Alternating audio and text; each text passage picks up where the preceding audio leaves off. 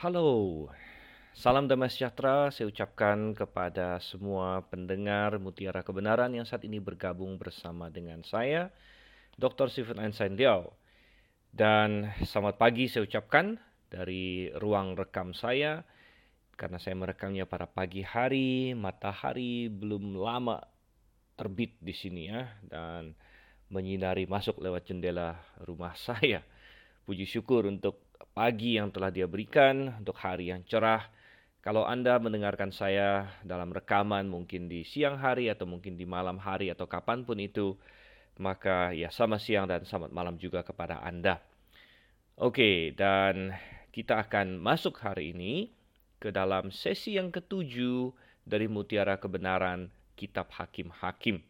Kalau Anda baru saja bergabung dengan kita, maka Mutiara Kebenaran namanya saja mutiara kebenaran saudara. Itu berarti dalam acara ini kita menggali, kita mencari. Ya, mutiara itu sesuatu yang tersembunyi di dalam lautan dan itu kita cari karena kita itu sesuatu hal yang indah, sesuatu hal yang berharga dan kita ibaratkan bahwa kebenaran itu sesuatu yang begitu indah dan begitu berharga sehingga diibaratkan seperti mutiara. Dan di manakah kita mendapatkan mutiara ini? Tidak lain tidak bukan dalam firman Tuhan, Program Mutiara Kebenaran berfokus untuk mengeksegesis dan menjelaskan perjanjian lama karena ini adalah dasar dan juga karena perjanjian baru ada dibahas dalam program Through the Bible. Oke, kalau Anda punya Alkitab bersama dengan Anda, mari kita buka bersama di dalam Hakim-Hakim pasalnya yang ketujuh. Dan Hakim-Hakim pasal yang ketujuh adalah masih cerita tentang Gideon. Jadi Gideon adalah uh, boleh dibilang siklus keempat kita bilang ya. Kitab Hakim-Hakim itu dibagi menjadi beberapa siklus, ada sekitar tujuh siklus. Di mana siklus ini adalah menggambarkan kelemahan dan kebobrokan manusia, tapi juga menggambarkan kesetiaan dan kesabaran Tuhan dan kasih Tuhan sebenarnya. Karena uh, siklus demi siklus dimulai dari Otniel, ya, kemudian yang kedua adalah uh, Ehud ya, Ehud dan Samgar. Atau Samgar bisa juga masuk ke siklus selanjutnya yaitu uh, Barak dan Deborah. Dan kemudian masuk ke siklus yang keempat adalah Gideon. Dan di tiap-tiap siklus ini orang Israel meninggalkan Tuhan, mereka berdosa, mereka menyembah allah-allah lain, ilah-ilah lain dan akhirnya Tuhan menghukum mereka. Dan ketika mereka dihukum, jadi hukuman itu adalah bentuk kasih sayang Tuhan juga. Kalau tidak ada hukuman, orang Israel tidak akan berbalik. Jadi hukuman adalah bentuk kasih sayang Tuhan dan mengizinkan mereka ditindas dan uh, mereka berseru pada Tuhan lalu Tuhan membangkitkan. Tuhan menyelamatkan mereka melalui orang-orang yang siap dipakai oleh Tuhan, orang-orang yang mau dipakai oleh Tuhan. Nah, kita sampai kepada Gideon dan uh, pemanggilan Gideon sudah kita lihat di pasal 6 bagaimana Tuhan memanggil dia. Sekarang kelanjutannya bagaimana di pasal yang ketujuh. Kita akan berdoa sebelum kita membaca lebih lanjut. Mari kita bersatu. Bapa yang di surga, kami mengucap syukur Tuhan untuk kasih setiamu yang begitu besar pada kami. Tuhan, terima kasih untuk hari ini. Terima kasih untuk uh, kesehatan yang kami nikmati. Terima kasih untuk uh, kesempatan untuk belajar firman-Mu. Dan juga terima kasih, hamba ucapkan terima kasih karena hamba bisa menjelaskan firman-Mu kepada banyak orang. Kiranya Engkau yang menolong supaya setiap orang yang akan mendengarkan penguraian firman Tuhan ini bisa mendapat berkat dari firman-Mu dan mengenal Engkau lebih dalam lagi dan mengenal apa yang Engkau inginkan bagi kami orang-orang yang percaya kepadamu. Terima kasih Tuhan, kami berdoa dalam nama Yesus Kristus saja. Amin. Oke, pasalnya yang ketujuh, kita lihat ayat 1 dan ayat 2 terlebih dahulu. Adapun Yerubaal, itulah Gideon, bangun pagi-pagi dengan segala rakyat yang bersama-sama dengan dia. Lalu mereka berkemah dekat mata air Harod. Perkemahan orang Midian itu ada di sebelah utaranya, dekat bukit More di lembah. Berfirmanlah Tuhan kepada Gideon, terlalu banyak rakyat yang bersama-sama dengan engkau itu daripada yang ku hendaki untuk menyerahkan orang Midian ke dalam tangan mereka. Jangan-jangan orang Israel memegah-megahkan diri terhadap aku sambil berkata, tanganku sendirilah yang menyelamatkan aku. Ya, melanjutkan melanjutkan kisah tentang Gideon. Kita tahu dia dipanggil di pasal 6 dan sebagaimana di awal awal pasal 7 di sini ya, Gideon disebut juga Yerubaal. Nama ini juga sudah diperkenalkan di pasal sebelumnya karena dia sebelum bisa memimpin bangsa Israel, dia harus menunjukkan dirinya sendiri adalah orang yang berkomitmen kepada Tuhan.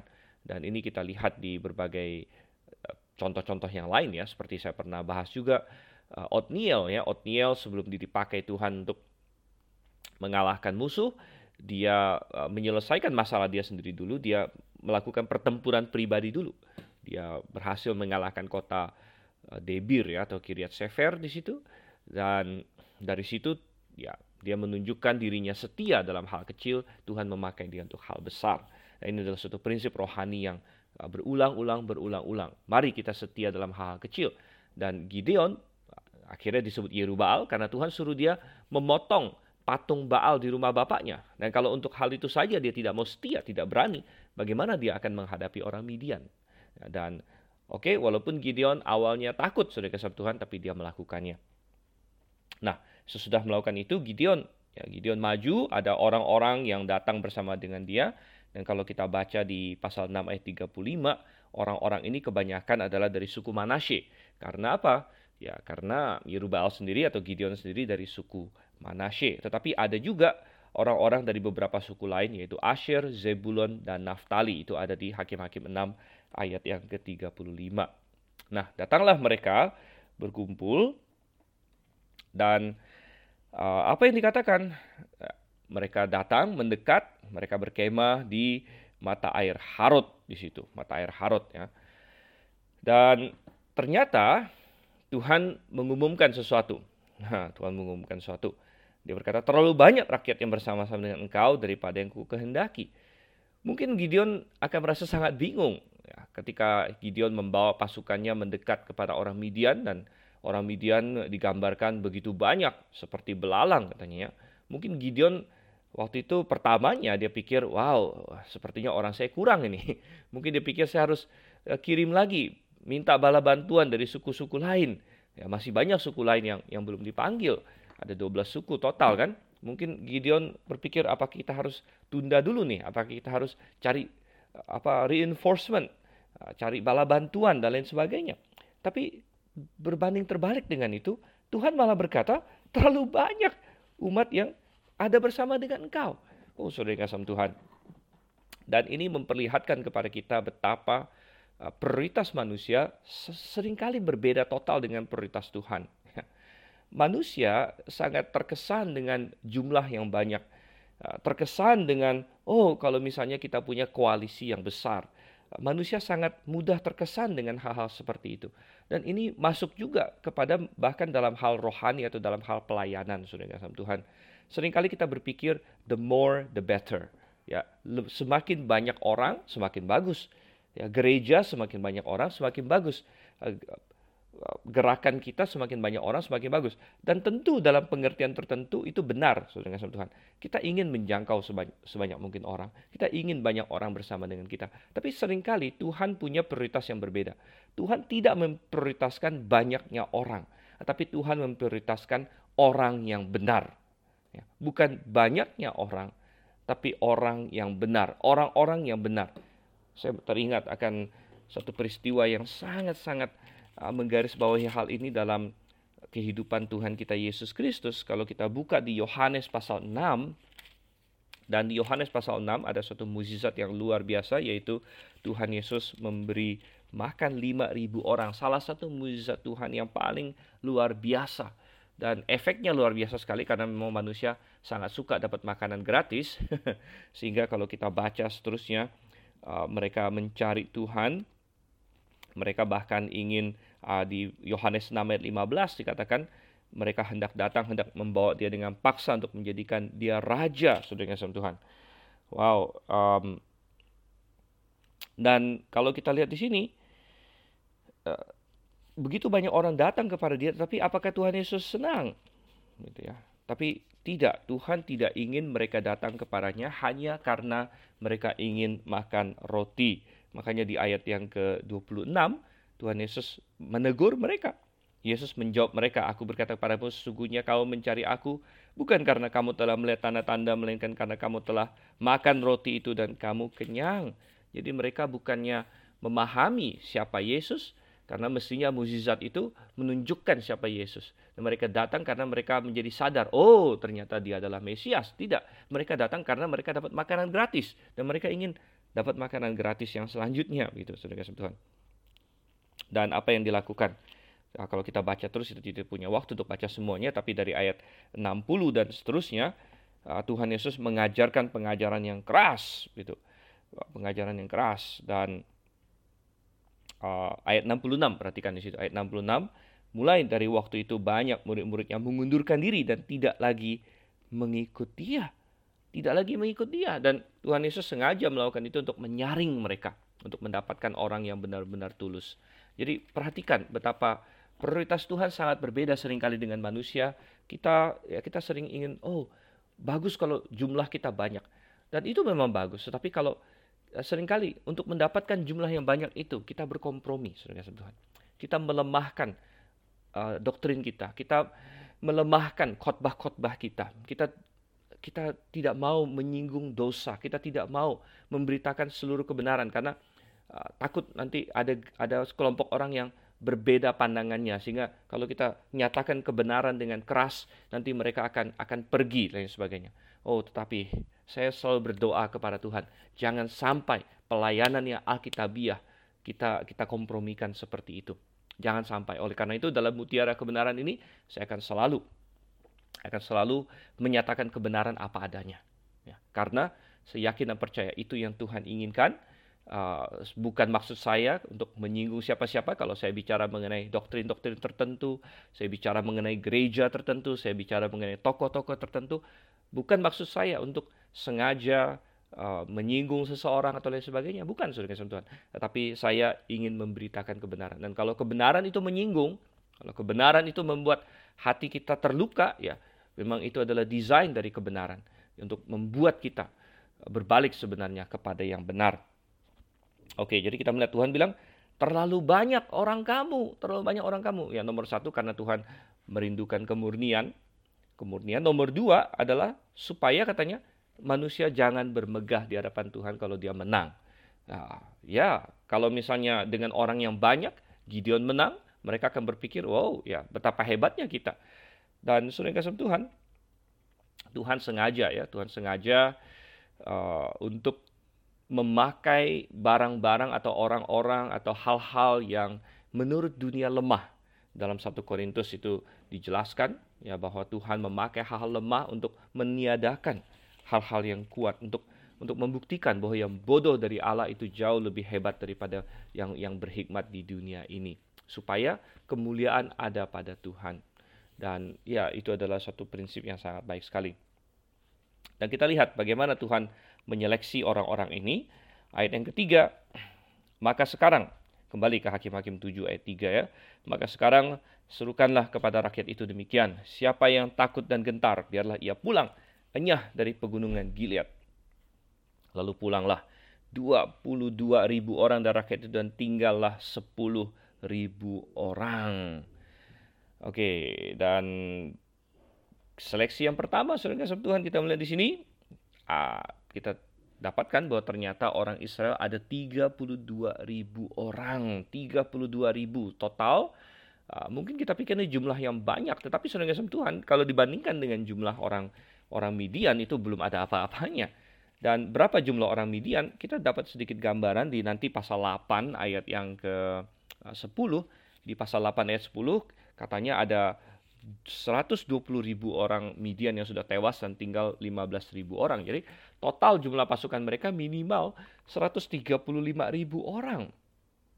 Anda bisa bayangkan 135 ribu orang musuh dan Gideon punya 32 ribu orang. Berarti itu empat kali lipat, lebih dari empat kali lipat. Anda mau berperang dengan pasukan yang empat kali lebih besar dari Anda. Eh, secara secara akal sehat itu kalah saudara saudara. Itu itu mestinya tidak bisa menang punya. Tapi Tuhan berkata bukan hanya mereka akan menang, bahkan terlalu banyak jumlah mereka dan Tuhan ingin kecilkan lagi. Wow. dan kita melihat bagaimana uh, Tuhan memang berbeda ya, Tuhan memang luar biasa. Uh, dan yang pertama Tuhan bilang kalau ada yang takut pulang. Wah, kalau ada yang takut pulang. Dan sudah kasih Tuhan, sebenarnya prinsip ini sudah ada dalam Alkitab. Coba kita buka dalam ulangan pasal 20. Di dalam hukum Taurat, di ulangan pasal 20, Tuhan sudah berikan suatu aturan bahwa kalau orang Israel pergi berperang, kalau ada yang takut lebih baik dia tidak berperang. Dan ini ada di ayatnya yang ke-8 sini. Ulangan pasal 20 ayat 8. Lagi para pengatur pasukan itu harus berbicara kepada tentara demikian. Siapa takut dan lemah hati, ia boleh pergi dan pulang ke rumahnya supaya hati saudara-saudaranya jangan tawar seperti hatinya. Wow. Jadi kenapa demikian saudara kasih Tuhan? Ya, ingat sekali lagi, Tuhan mampu untuk menyelamatkan dengan sedikit orang ataupun dengan banyak orang. Ini adalah perkataan yang eh, belakangan akan diucapkan oleh Yonatan, seorang pahlawan, anaknya Saul. Dan itu sangat benar sekali. Oleh karena itu Tuhan lebih memilih kualitas orangnya. Bahkan kalau ada orang yang takut, tadi di ulangan dikatakan bisa membuat tawar hati saudara-saudaranya. Takut adalah sesuatu yang menular, contagious. Ketika seseorang takut, dia bisa membuat orang lain menjadi takut juga. Nah, oleh karena itu sangat penting untuk memiliki hati yang berani, hati yang teguh. Kalau bicara mengenai takut, saya benar-benar mengilas balik ya eh, pandemi dan saya merekam ini sekitar awal 2022 dan pandemi sudah berlangsung dua tahun kira-kira dan menurut saya setelah saya review, oke okay, pandemi memang ada, tetapi yang lebih berbahaya sering kali bagi seseorang adalah pandemi ketakutan, bukan pandemi virusnya lagi. Pandemi virus memang ada, tetapi sudah kasih Tuhan, sebenarnya virus COVID sendiri, ya tingkat kematiannya, ya, oke okay, ada, ya sekitar satu persen gitu, sekitar satu persen. Kalau anda mungkin komorbid ya punya lain sebagainya, ya 1 sampai dua persen. Kalau orang yang masih muda, yang yang sehat-sehat lebih rendah lagi, kurang dari satu persen, 0, sekian persen kemungkinan anda anda meninggal. Dan sudah kasih Tuhan. Tetapi ketakutan yang melanda, wow, ini ini kadang-kadang luar biasa sekali. Ya. Dan uh, ketakutan ini menular, ya, menular, sehingga ada orang yang takut, ya takut sampai tidak bisa berfungsi dan lain sebagainya. Dan sering kali ketakutan itu yang membuat manusia lebih sakit bahkan.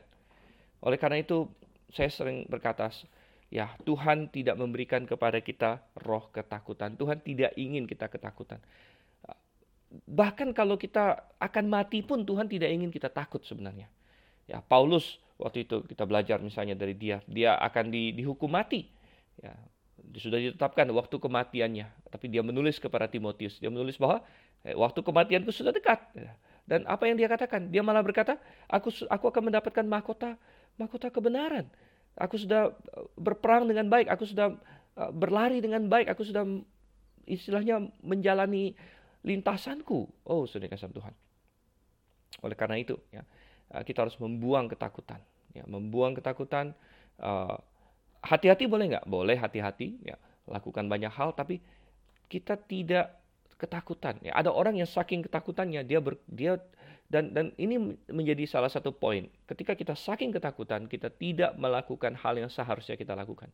Kita menjadi tidak setia kepada Tuhan. Ya. Kita kita begitu banyak orang dilatih untuk takut ke gereja. Saya katakan, ya, begitu banyak orang Kristen melalui dua tahun pandemi ada yang belum pernah masuk ke gereja satu kali pun. dan dan mereka dilatih, dilatih untuk to fear, untuk menjadi takut, takut untuk pergi ke gereja. Oh, saudara kasih Tuhan. Apakah kita saking takutnya kita jadi tidak melakukan apa yang semestinya kita lakukan? Dan kita kembali ke Gideon di sini. Tuhan bilang, oke, okay, kalau kamu takut, pergi saja, pergi. Ya, kamu akan melemahkan iman saudaramu. Jangan ikut berperang, karena Tuhan akan uh, bekerja melalui orang-orang yang berani untuk Tuhan, yang akan akan maju di sini. Dan ketika Gideon menyampaikan firman itu, mungkin dia berpikir berapa banyak nih dari dari orang-orangku yang akan pergi gitu. Mungkin dia berhitung apakah beberapa ratus akan pergi, apakah beberapa ribu akan pergi.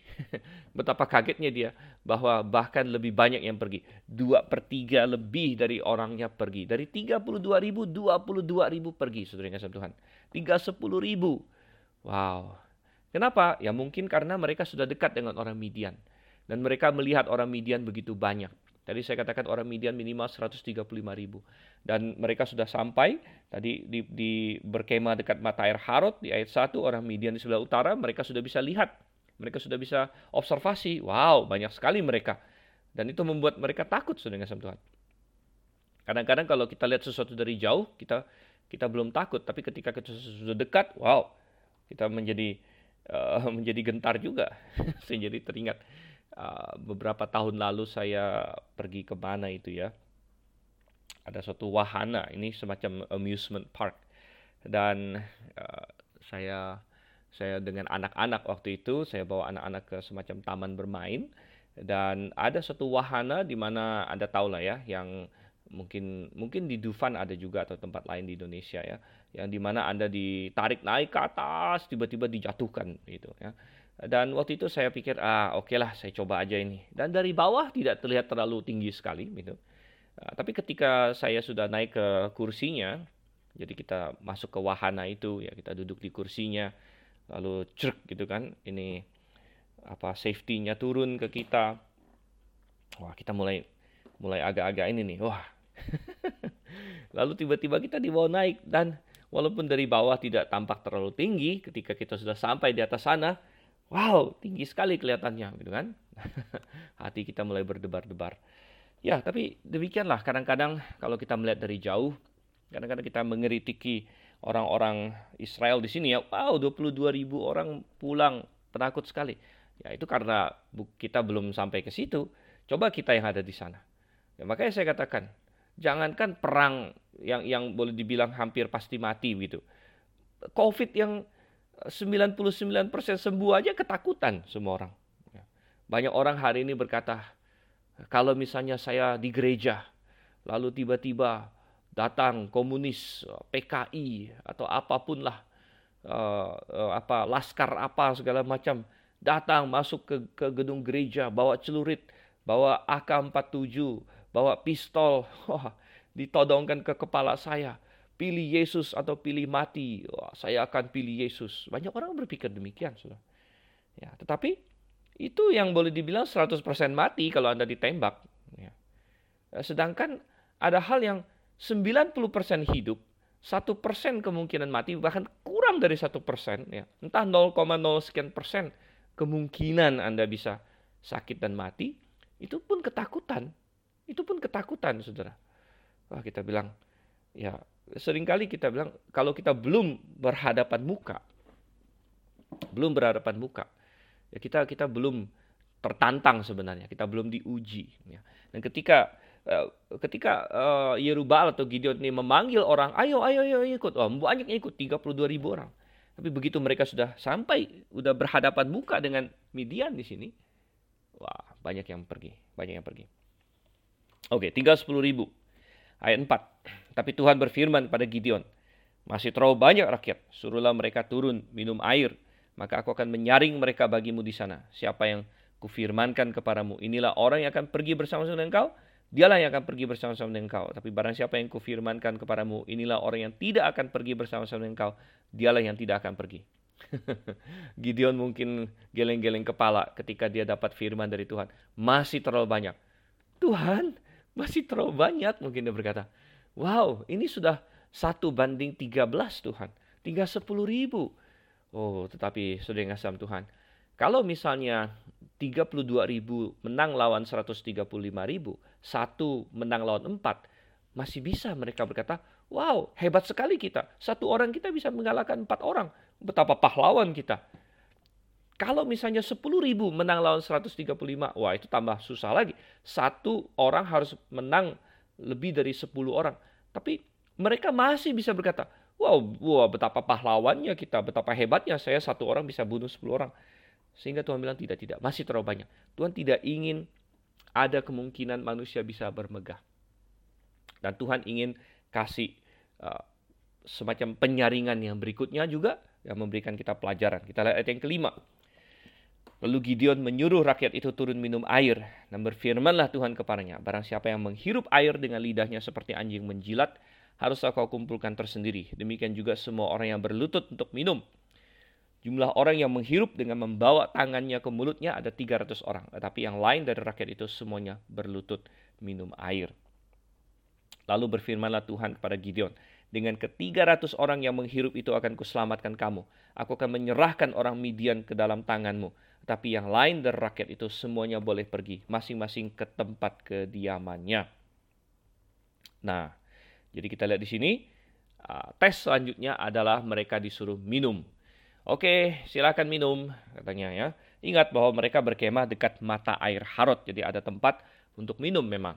Dan ternyata ada dua jenis orang. Ada yang katanya minumnya menghirup air dengan lidah seperti anjing menjilat dan kemudian ada yang uh, berlutut dan mengambil uh, air dengan tangan dibawa ke mulutnya. Jadi Anda bisa bayangkan dalam benak Anda.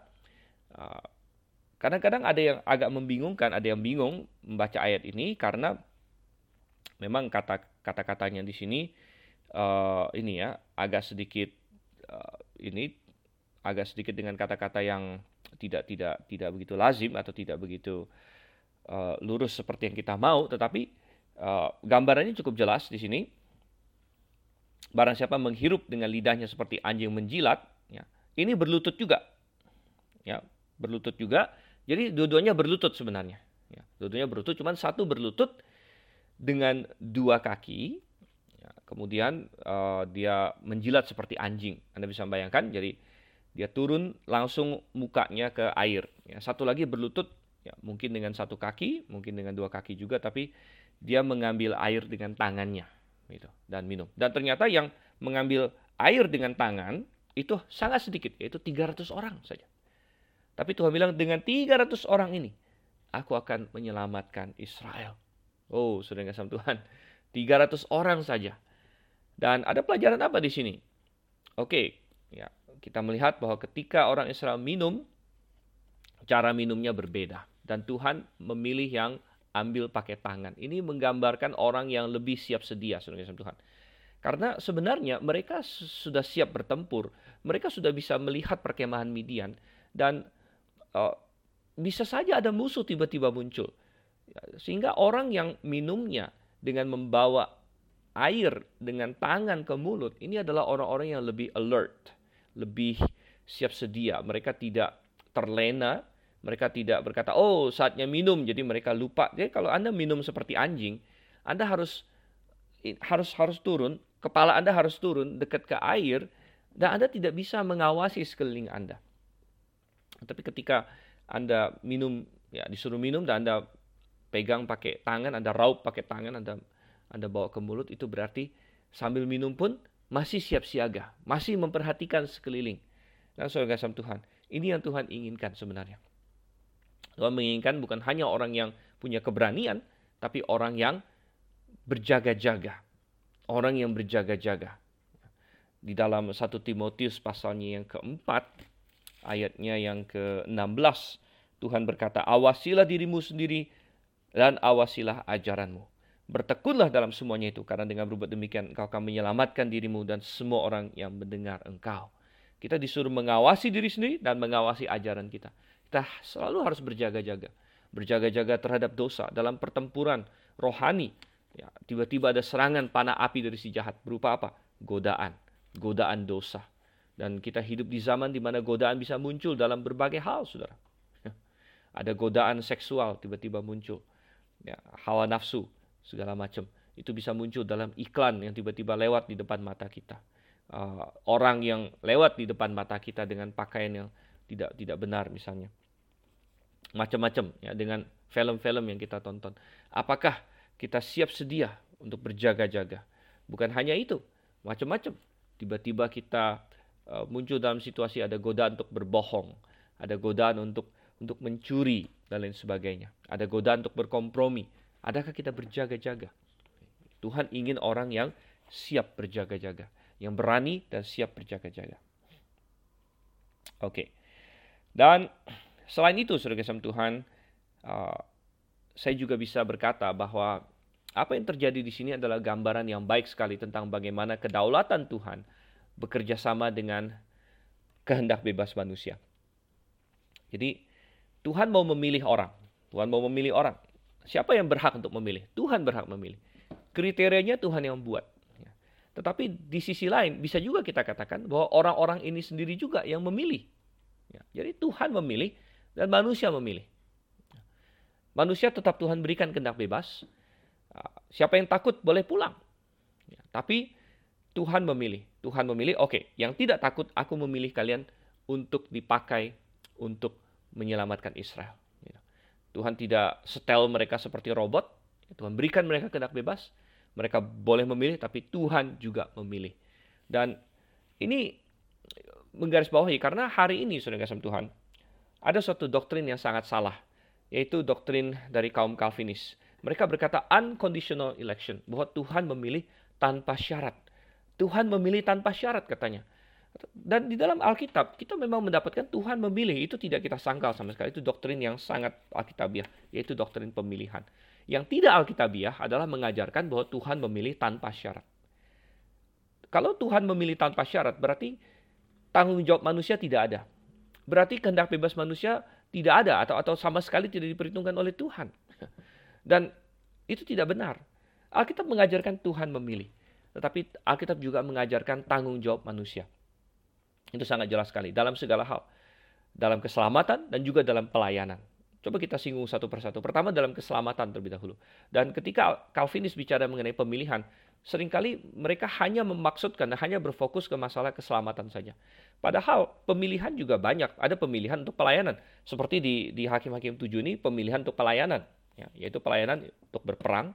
Berperang melawan orang-orang Midian untuk untuk menyelamatkan Israel lah dari dari orang-orang Midian di sini ya. Tetapi oke, okay, ada pemilihan yang masalah keselamatan, saudara. Pemilihan mengenai keselamatan, apakah ada tanggung jawab manusia? Apakah itu tidak ber, tidak bersyarat? Oh tidak. Ya. Uh, pemilihan untuk keselamatan tidak pernah dikatakan tidak bersyarat.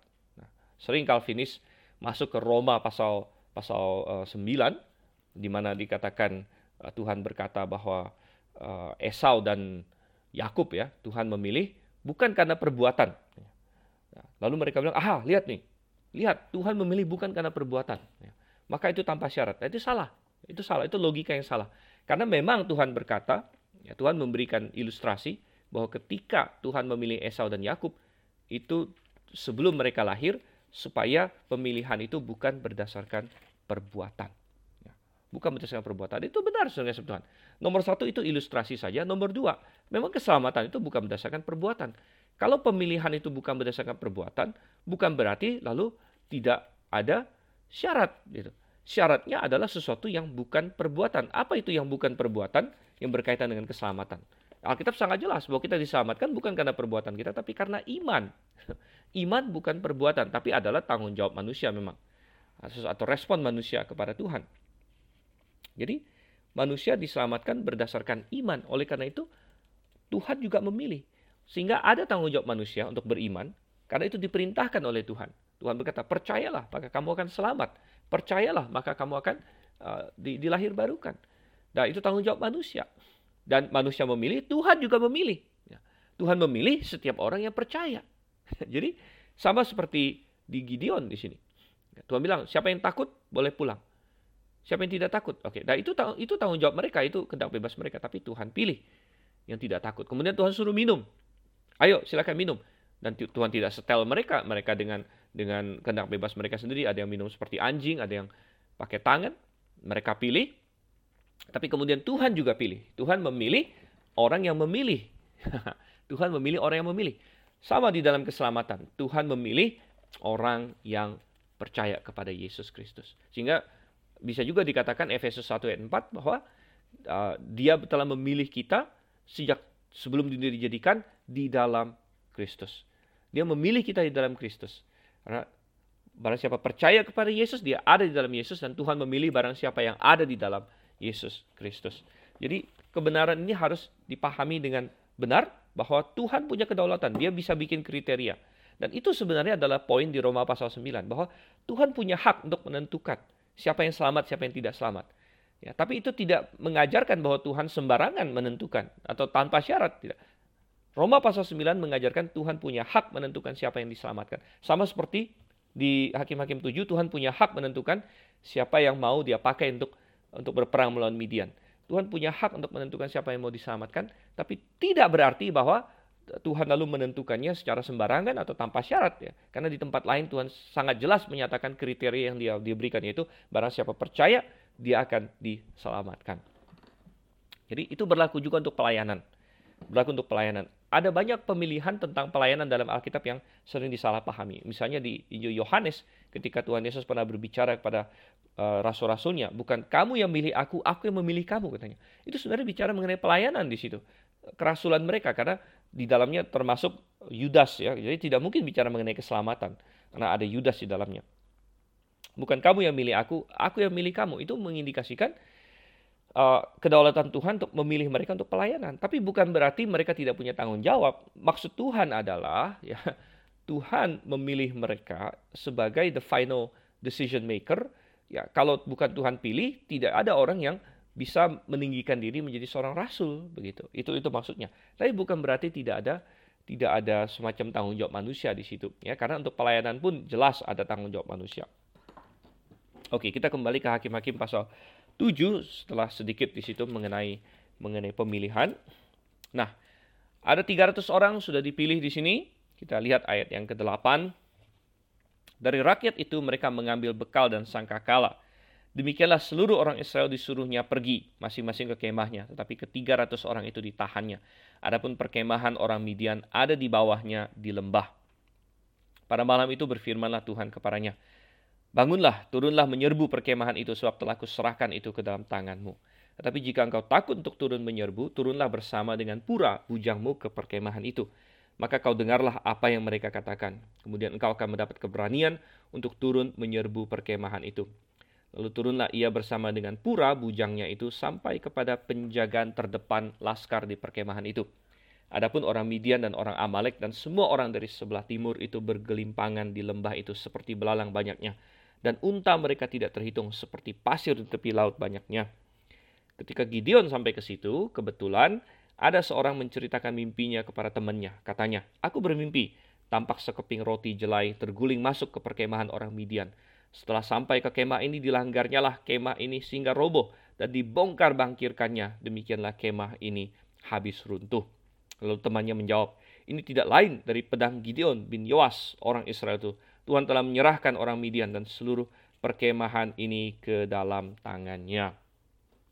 Segera sesudah Gideon mendengar mimpi itu, diceritakan dengan maknanya, sujudlah ia menyembah. Kemudian pulanglah ia ke perkemahan orang Israel lalu berkata, Bangunlah, sebab Tuhan telah menyerahkan perkemahan orang Midian ke dalam tanganmu.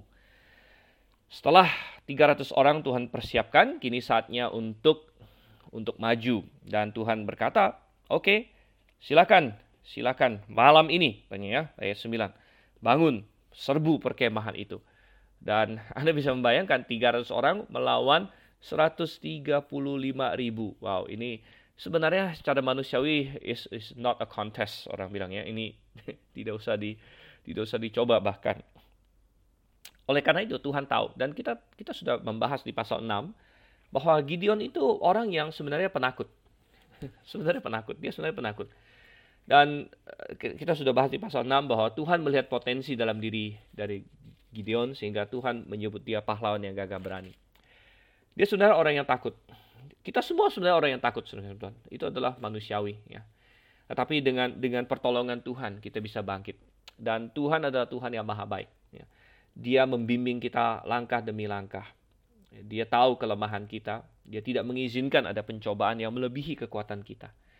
Dan Tuhan terus menguatkan Gideon. Tuhan terus memupuk iman Gideon. Ini terjadi kepada Abraham.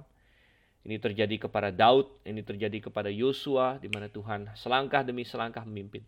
Oleh karena itu, jangan takut untuk mengambil langkah pertama bersama dengan Tuhan. Ya. Mungkin kita berkata, Tuhan, aku tidak seperti pahlawan-pahlawan iman zaman dahulu. Aku tidak seperti Daud, aku tidak seperti Abraham. Jangan khawatir. Ya.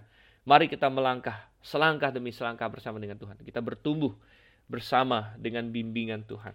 Dan Tuhan akan terus memimpin kita. Dan kita lihat Tuhan Tuhan sengaja sengaja memberikan kekuatan kepada Gideon. Tuhan bilang, "Oke, okay, kalau kamu masih takut dan ini manusiawi. Karena 300 lawan 135 ribu saudara. Mereka nggak usah bangun. Tinggal suruh seribu orang saja, dua ribu orang saja kita sudah kalah. Tapi coba kamu bawa bujangmu pura, mau turun ke perkemahan. Dan dengan berdua mereka menyelinap di situ. Lalu tiba-tiba kebetulan sekali mereka mendengar uh, ada seorang bermimpi. Dan ini kebetulan menurut manusia, tapi semua ini ada dalam rencana Tuhan. Ya. Bukan kebetulan orang ini bermimpi, bukan kebetulan mimpinya persis seperti itu, bukan kebetulan Tuhan suruh Gideon turun pada saat itu karena Tuhan tahu mereka akan bicara soal mimpi ini.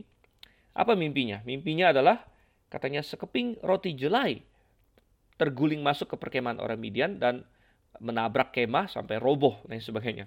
Roti jelai adalah roti kualitas rendahan. Uh, jelai atau barley dalam bahasa Inggris ya. Jelai itu biasanya untuk dipakai untuk membuat makanan yang uh, sedikit lebih rendah kualitasnya dibandingkan gandum.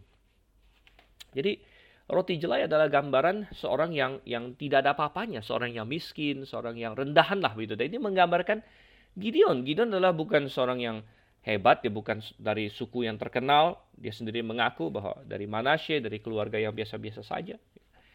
Sehingga um, roti jelai adalah gambaran yang sangat bagus untuk dia. Tapi roti jelai ini menghancurkan perkemahan Midian. Dan ketika Gideon mendengar mimpi itu, bahkan bahkan di, dijelaskan maknanya, rupanya orang Midian sudah dengar tentang Gideon. sudah dengar tentang Gideon karena Gideon uh, kumpulkan orang, ya tentu orang Midian juga tahu ya. Mereka bisa lihat perkemahan Midian, Midian juga bisa lihat mereka karena 32 ribu orang juga tidak sedikit. Jadi orang Midian bisa melihat ini orang Israel ini bikin masalah ini. Ya, ada ada pemimpin baru, ada ada namanya Gideon dan lain sebagainya dan mengumpulkan massa dan lain sebagainya. Jadi mereka tahu Gideon, uh, tetapi uh, dikatakan, wow, ini adalah Gideon. Dan orang Midian sendiri sudah ketakutan karena mereka rupanya Tuhan mendatangkan ketakutan kepada mereka. Jadi perhatikan ya, bagaimana Tuhan mendatangkan ketakutan kepada musuh-musuh Israel, tapi Tuhan tidak ingin Israel takut. Sehingga ini kembali menjadi introspeksi kita. Kita perlu takut nggak sebagai umat Tuhan, sebagai anak-anak Tuhan? Ya kan? Tuhan mendatangkan ketakutan kepada musuh-musuhnya, tapi tidak kepada umatnya. Dan uh, mereka ketakutan di sini. Dan ini memperlihatkan bagaimana uh, Tuhan mempersiapkan kemenangan kita, bahkan jauh-jauh sebelum kita bertempur sekalipun.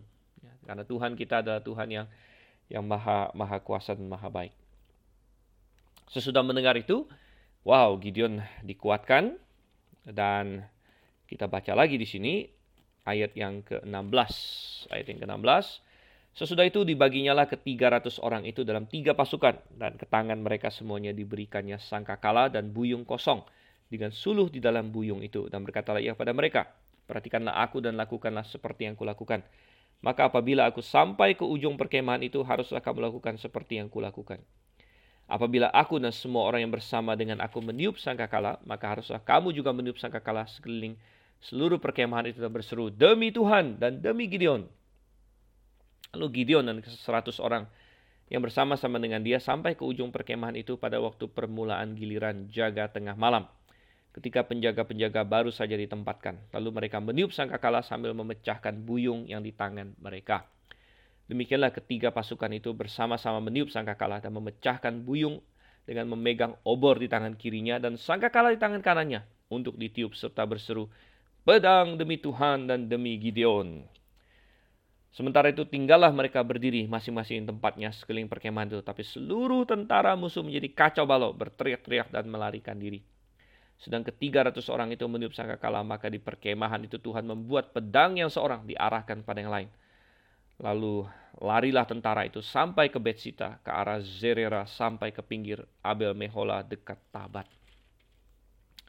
Oke, setelah Tuhan uh, menyeleksi, setelah Tuhan menguatkan, maka tiba saatnya untuk pertempuran. Dan memang ya, pertempuran harus kita lakukan, pekerjaan Tuhan harus kita lakukan. Ada saatnya untuk bersiap-siap, ada saatnya untuk uh, melakukan segala sesuatu, tapi ada saatnya juga untuk akhirnya berperang, saudara Tuhan. Dan um, Gideon tahu bahwa Tuhan akan menyerahkan orang Midian ke dalam tangannya, namun itu bukan berarti dia tidak memakai perencanaan, tidak berarti dia uh, tidak memberikan instruksi. Dan ini kembali mengajarkan hubungan uh, tanggung jawab manusia dengan penyertaan Tuhan. Ya. Tuhan akan menyertai kita, tapi bukan berarti kita tidak tidak perlu pakai otak kita atau memakai strategi atau memakai cara dan Gideon di sini membuat satu strategi. Dia bagi 300 orang menjadi tiga kelompok, jadi masing-masing 100, lalu dia suruh berpencar masing-masing ke satu ujung. Ya. Nah, jadi semacam tiga titik untuk mengelilingi perkemahan Midian dan dia sengaja melakukan ini supaya dia ingin menciptakan kesan pada orang Midian bahwa ada tentara besar yang mengelilingi mereka gitu kan. Jadi bukan dari satu sisi saja tapi dari tiga sisi. Gitu. Dan sangat menarik sekali apa yang harus mereka bawa. Yang harus mereka bawa adalah sangkakala, buyung, dan suluh. Tidak ada instruksi untuk membawa perlengkapan perang bahkan. Ya, seperti misalnya baju zirah, pedang, tombak, dan sebagainya. Ya. Mungkin karena hal-hal itu juga susah didapatkan di Israel. ya. Mungkin di antara mereka yang punya pedang hanya sedikit sekali. Atau bahkan tidak ada. karena uh, sebagai jajahan biasanya mereka tidak diperbolehkan punya senjata. Jadi mungkin hanya sedikit yang punya senjata. Jadi mereka membawa ini, membawa suluh, sangkakala dan buyung. Dan instruksinya apa? Kalau mereka sudah sampai ke tempat mereka, maka mereka harus mengikuti Gideon. Dan yang Gideon lakukan adalah pada saat yang tepat, sudah semuanya ada pada posisi, dia akan memecahkan buyung. Nah, kenapa memecahkan buyung? Karena suluh itu tadinya mereka sembunyikan dalam buyung. Kenapa suluh itu disembunyikan dalam buyung? Karena mereka harus pergi ke posisi masing-masing tanpa diketahui. Jadi kalau mereka bawa suluh kan akan kelihatan. Jadi suluhnya ditaruh di bawah di dalam buyung itu supaya terangnya nggak kelihatan dulu. Ya, mereka bisa mengendap-endap sampai ke posisi semua buyung dipecahkan maka terang yang ada dalam buyung itu akan tiba-tiba terlihat. Tiba-tiba terlihat jadi orang Midian akan tiba-tiba kaget karena uh, tiba-tiba ada mereka seperti dikelilingi oleh musuh gitu ya masing-masing masing-masing suluh itu. Dan lalu ditiup sangkakala dan sangkakala akan bergema dari tiga penjuru. Jadi sepertinya mengelilingi. Sekali lagi orang Midian akan akan kocar kacir akan bingung sekali. Dan memang benar itu yang terjadi. Ya tentu ini semua juga karena karena Tuhan ya Tuhan yang telah mendatangkan ketakutan kepada mereka.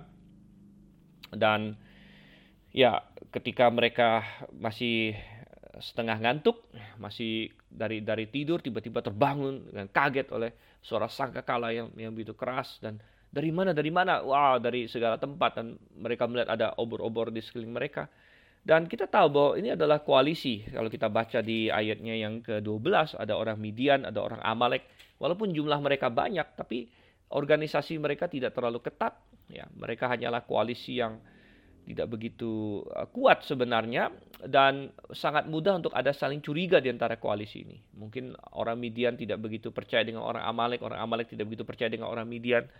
Mungkin ada kelompok-kelompok di antara mereka sehingga ketika mungkin ada yang ada yang satu yang agak panik ya, sedikit ambil pedang, salah tebas dan sebagainya.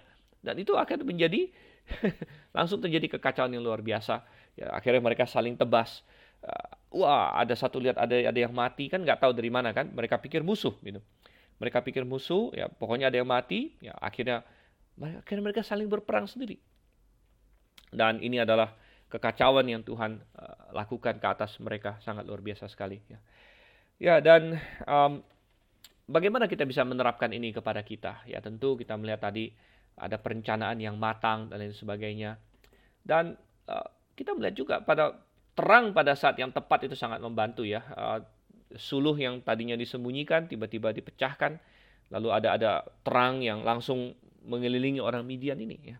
Dan walaupun kita percaya bahwa ini terjadi secara historis ya, saya bisa menerapkan ini secara alegoris. Jadi kadang-kadang ada orang yang salah berpikir ya dia mau menafsirkan secara alegoris itu salah. Kita menafsirkan secara literal penafsiran literal, jadi setiap perikop Alkitab kita lakukan prinsip penafsiran literal. Nah, prinsip penafsiran literal bukan berarti tidak ada tidak ada alegori ya.